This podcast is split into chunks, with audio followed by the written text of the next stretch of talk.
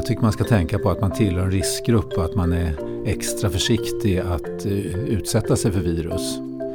Vi har ju hamnat i ett läge där, i Sverige där först så jagade vi viruset och försökte isolera de som hade viruset. Nu har vi släppt det. Nu är det istället så att vi ska försöka undkomma viruset. Det är viruset som jagar oss. Så att det gäller att hålla sig undan nu under, under några veckor tills det har klingat av. Coronasmittan påverkar sjukvården i allra högsta grad och även cancervården påverkas förstås. Det pratas om riskgrupper där hög ålder verkar vara den främsta riskfaktorn i kombination med underliggande sjukdomar. Hur är det då för våra cancerpatienter? Innebär en cancersjukdom att man har ökad risk att drabbas?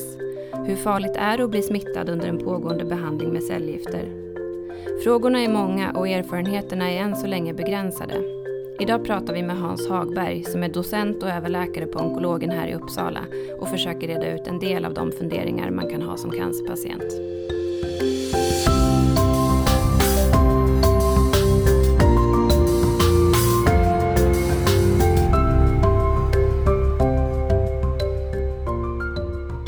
Innan vi börjar vill vi bara säga att vi spelar in det här avsnittet 27 mars och läget ändras hela tiden. Tänk därför på att det som vi pratar om i programmet kan se annorlunda ut om bara några veckor. Då säger jag välkommen hit till Hans Hagberg. Välkommen till studion. Tack.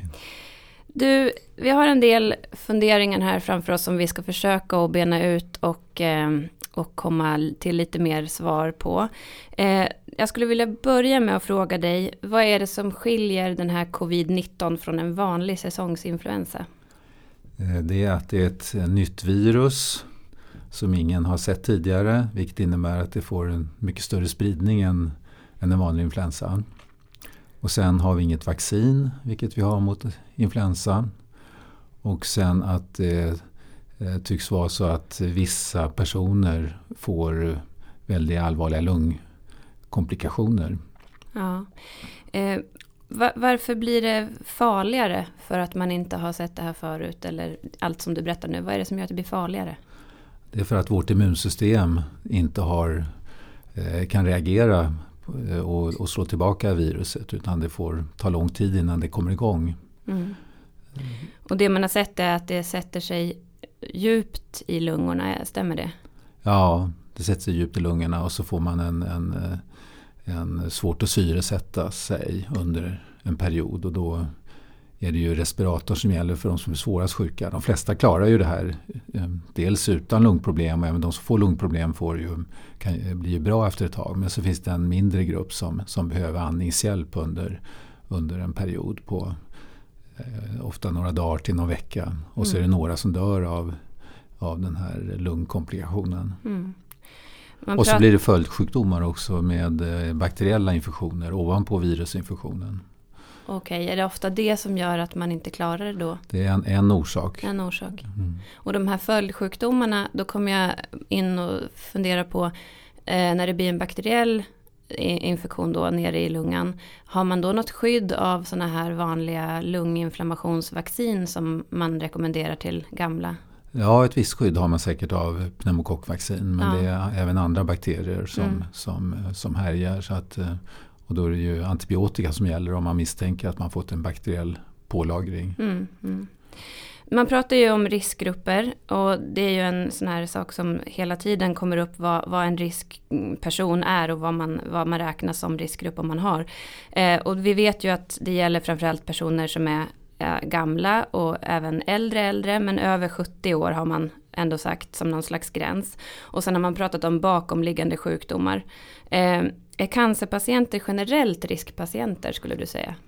Eh, vissa cancerpatienter är ju riskgrupper och det är de som har en aktiv sjukdom och framförallt de som har en aktiv behandling som gör att de har sämre immunsystem än, än övriga i, i i befolkningen. Sen kan man ju ha cancersjukdomar som sitter på olika ställen i luftvägar och eller eh, mun, hals, lungor som gör att man ökar risken för att, att, att få problem.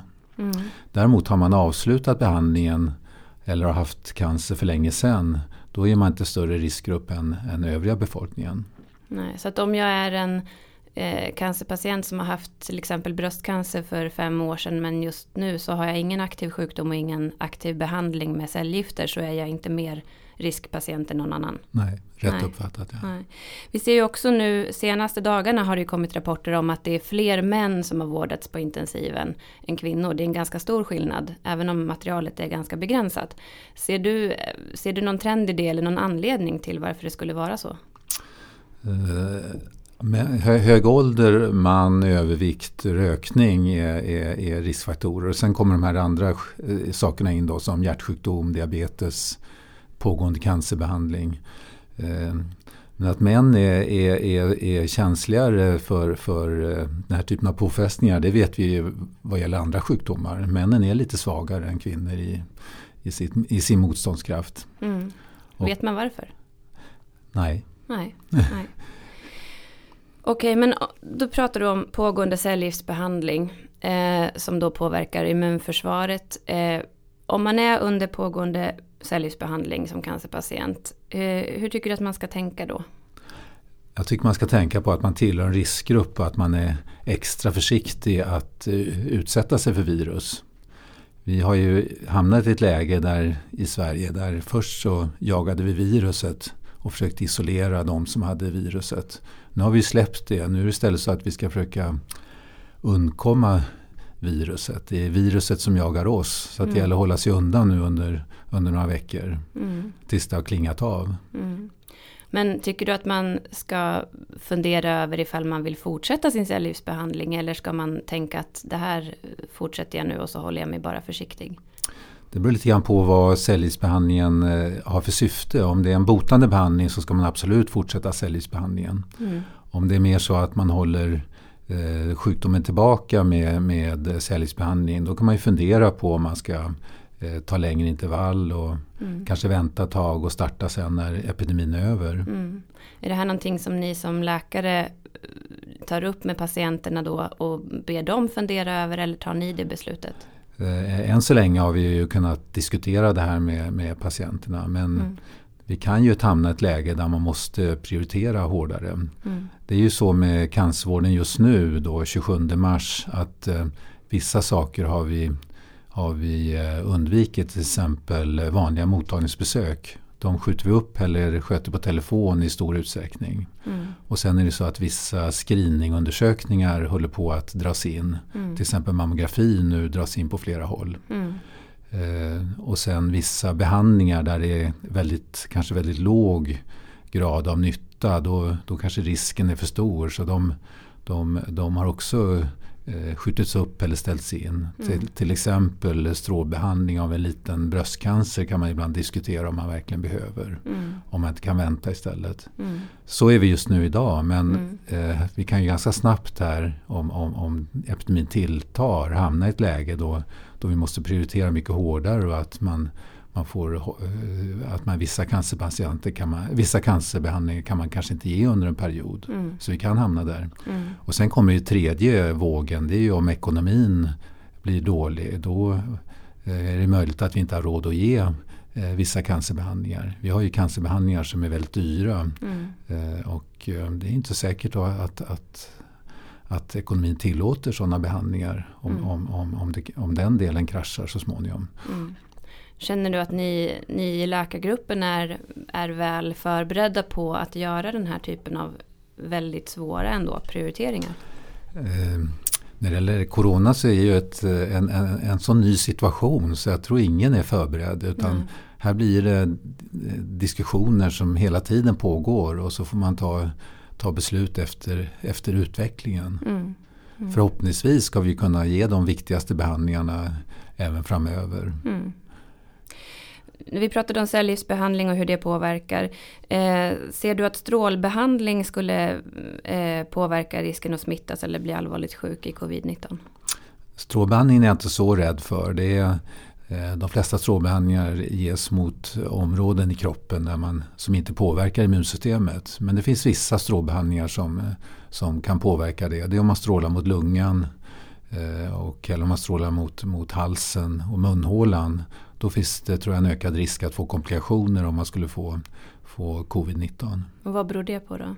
Ja, det beror ju på att slemhinnorna är ett skydd för, för, för, för viruset och en, en, en viktig del i vårt försvar att man har en intakt slemhinna. Mm. Eh, och att man får lättare till exempel följdsjukdomar om man, om man är, har en skadad slemhinna. Mm. Och i lungan är det ju att det är där som det största problemet verkar vara med covid. Att, att, att lungan inte orkar med och har man då en skada på lungan så, så minskar ju marginalerna. Mm. Och när vi pratar om skador på lungan så finns det ju eh, vissa patienter som på grund av antingen sin cancer eller cancerbehandling tidigare i livet har fått en nedsatt lungfunktion. Eh, kan man räkna dem som riskpersoner också? Ja, till viss del just för att de har mindre lungfunktion. Och det här är ju väldigt, också väldigt svårt att säga eh, som en grupp. Det kan ju vara en ganska liten påverkan på lungan när man är ung och mm. har liksom mycket reserver. Mm. Då är det väl inte så farligt.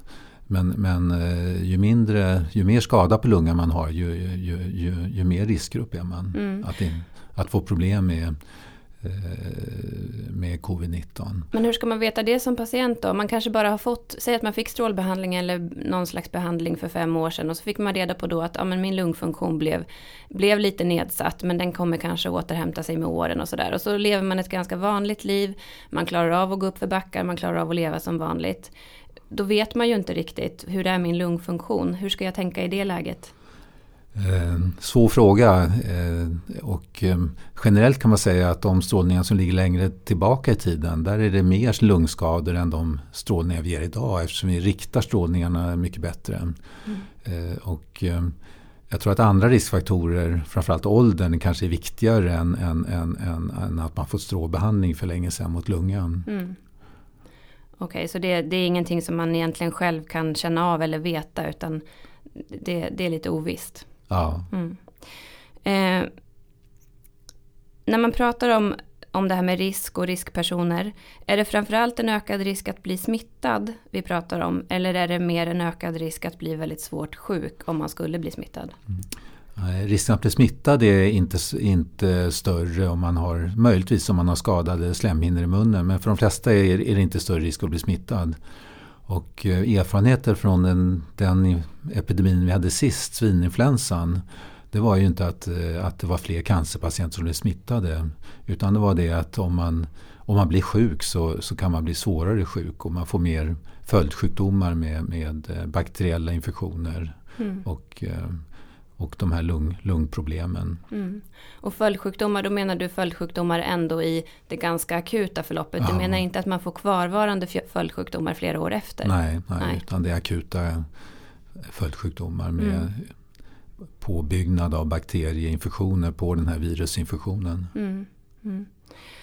Hur skulle du säga att, att den här coronautbredningen påverkar och har påverkat ditt jobb och dina kollegors jobb som det är nu? Påverkas ni? Eller hur påverkas ni? För jag gissar att ni påverkas. Ja, vi på, det påverkar väldigt mycket i vardagen. Och, eh, vi har gjort en omställning nu med, med mer telefon och mindre besök. Eh, vi eh, skjuter på vissa behandlingar. Vi ställer in några behandlingar. Eh, överhuvudtaget har hela sjukvården har ju gått i, i, lite grann i det förutom corona. Så vi får, vi får inte riktigt lika mycket remisser och vi har, än så länge har vi fått det eh, lugnare inom cancervården. Mm. Eh, genom att det är andra problem på sjukhuset som, som, som dominerar. Mm. Och då blir man ju lite orolig. För jag gissar att cancern går inte ner bara för att det finns Nej. corona. Och vad ser du att hur påverkas patienterna av det här?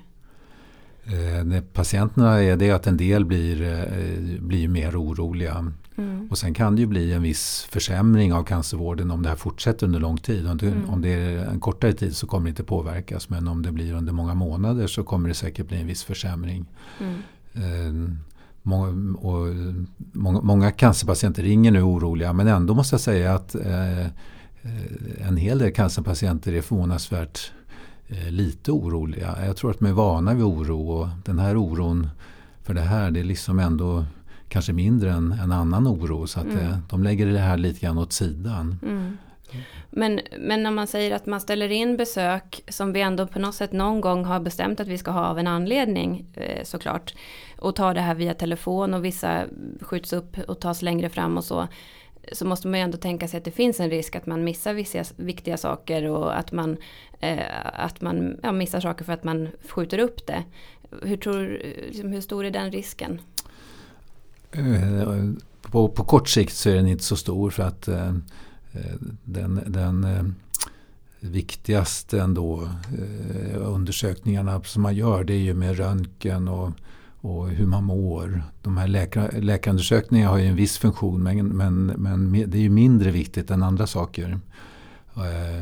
Man kan ta blodprover och, mm. och, sådär, och göra sådana kontroller. Mm. Så det fysiska mötet har ju, har ju minskat i, i betydelse. Eh, och eh, man kan ersätta väldigt mycket av det med telefon eh. Mm. Men när vi är igång och gör så här nu att vi omvandlar våra fysiska besök mycket till telefon. Eh, vi skjuter lite grann på vissa besök och tar dem lite mer glest. Och du säger att cancersjukvården som det är precis just nu har blivit liksom lugnare. Vi har mindre att göra nästan. Kommer det tror du att leda till att vi framöver kommer inse att amen, vi fick mer tid, vi kunde göra mer saker per tidsenhet. Kommer det kunna ändra vårt arbetssätt? Att vi lär oss att nej, men det här var ju mer effektivt, så här kan vi ju jobba. Ja, det, ser man positivt på, på kriser så kan man nog säga att eh, kriser kan ändra våra, lite grann våra sätt att jobba. Och, och det här tycker jag vi ska ta med oss sen framöver. Och, och eh, använda den här erfarenheten i framtiden. Mm. För att bli mer effektiva. Mm. Eh. Och här, man missar ju det här personliga mötet men det eh, har man, eh, ser man varandra på telefon så får man ju en viss, ändå en viss personlig möte mm. om man använder de, de, de metoderna. Mm. Hur bedömer ni vilka som, vilka som får komma in på besök och vilka som kan skötas via telefon till exempel? Eh, jag tänker också liksom på att det här det måste kunna vara lite svårt att sortera eh, patienter till exempel då med symptom på det som eventuellt då skulle kunna vara covid-19 och vissa symptom som faktiskt kan vara relaterade till cancern eller till behandling. Vi har ju till exempel då cancerpatienter som går på cellgiftsbehandling och som kan bli låga i sitt immunförsvar och så kanske de får feber eh, och andra symptom. Och så ska man då sortera det från en eventuell covid-19 smitta. Eh, är det svårt att avgöra vilka som ska komma in till onkologen och vilka som ska stanna hemma? Mm. Det är svårt, det där skulle vi önska att vi fick kunde testa mycket mer och det är ju på gång nu. Från att nästan inte kunna testa någon så, så får vi nu snabbt verktyg för att kunna testa så många som möjligt. Mm. Och man får ju svar inom, inom eh, ett dygn på om, om, det, om det är smittsamt eller inte eller om det är covid-19 eller inte. Mm. Så det hoppas jag att vi kan, kan brett gå ut och testa de där det finns tveksamheter. Mm. Och även personalen då som, där vi har ju eh, pers många personal hemma nu med kanske vanliga infektioner. Fast de kan inte jobba för att man är osäker på om det är covid-19. Och de skulle man också vilja testa i stor utsträckning. Mm. Men du upplever inte att det har varit ett problem att kunna sortera och att det har blivit några sådana missar. Någon som har varit svårt sjuk på grund av sin behandling eller på grund av sin cancer men som har uppmanats vara hemma.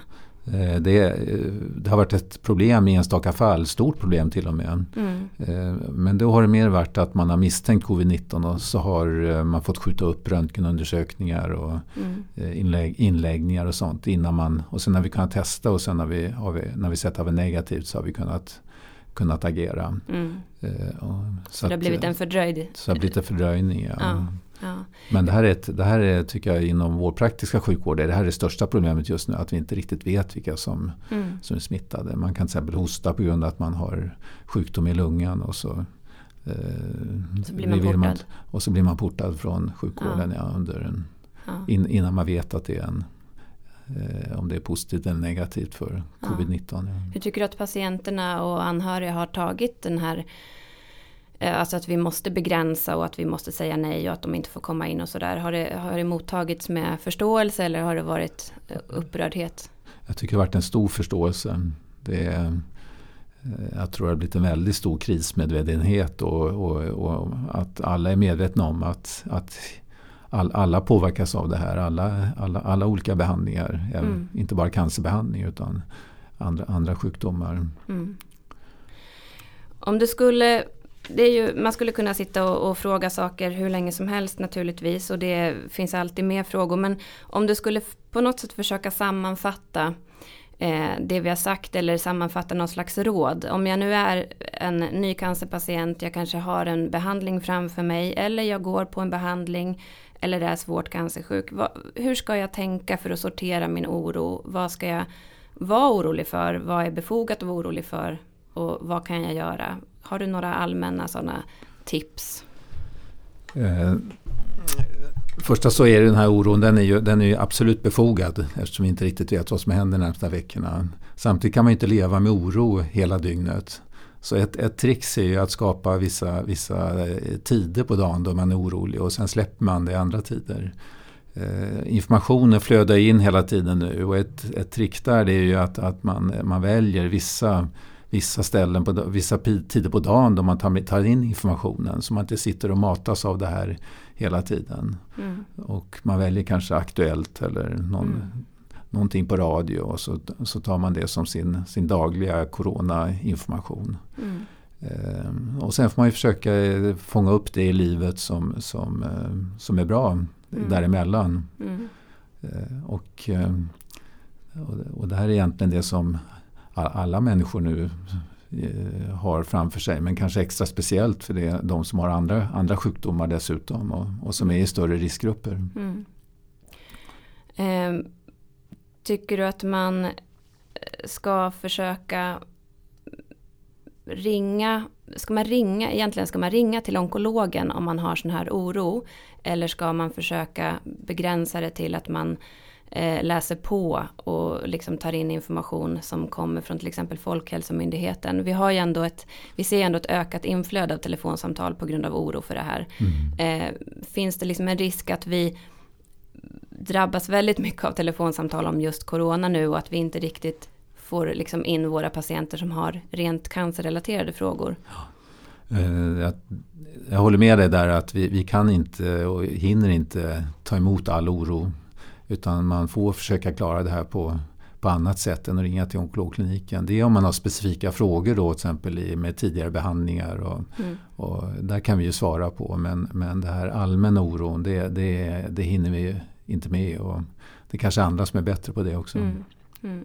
Och då är det ju så, då ska vi också säga det att eh, för att få in information, allmän information så finns det ju Folkhälsomyndigheten, det finns också väldigt bra, eh, bra eh, Ehm, de hänvisar till olika ställen i nyhetsflöden och sådär så att man kan gå in på bra ställen.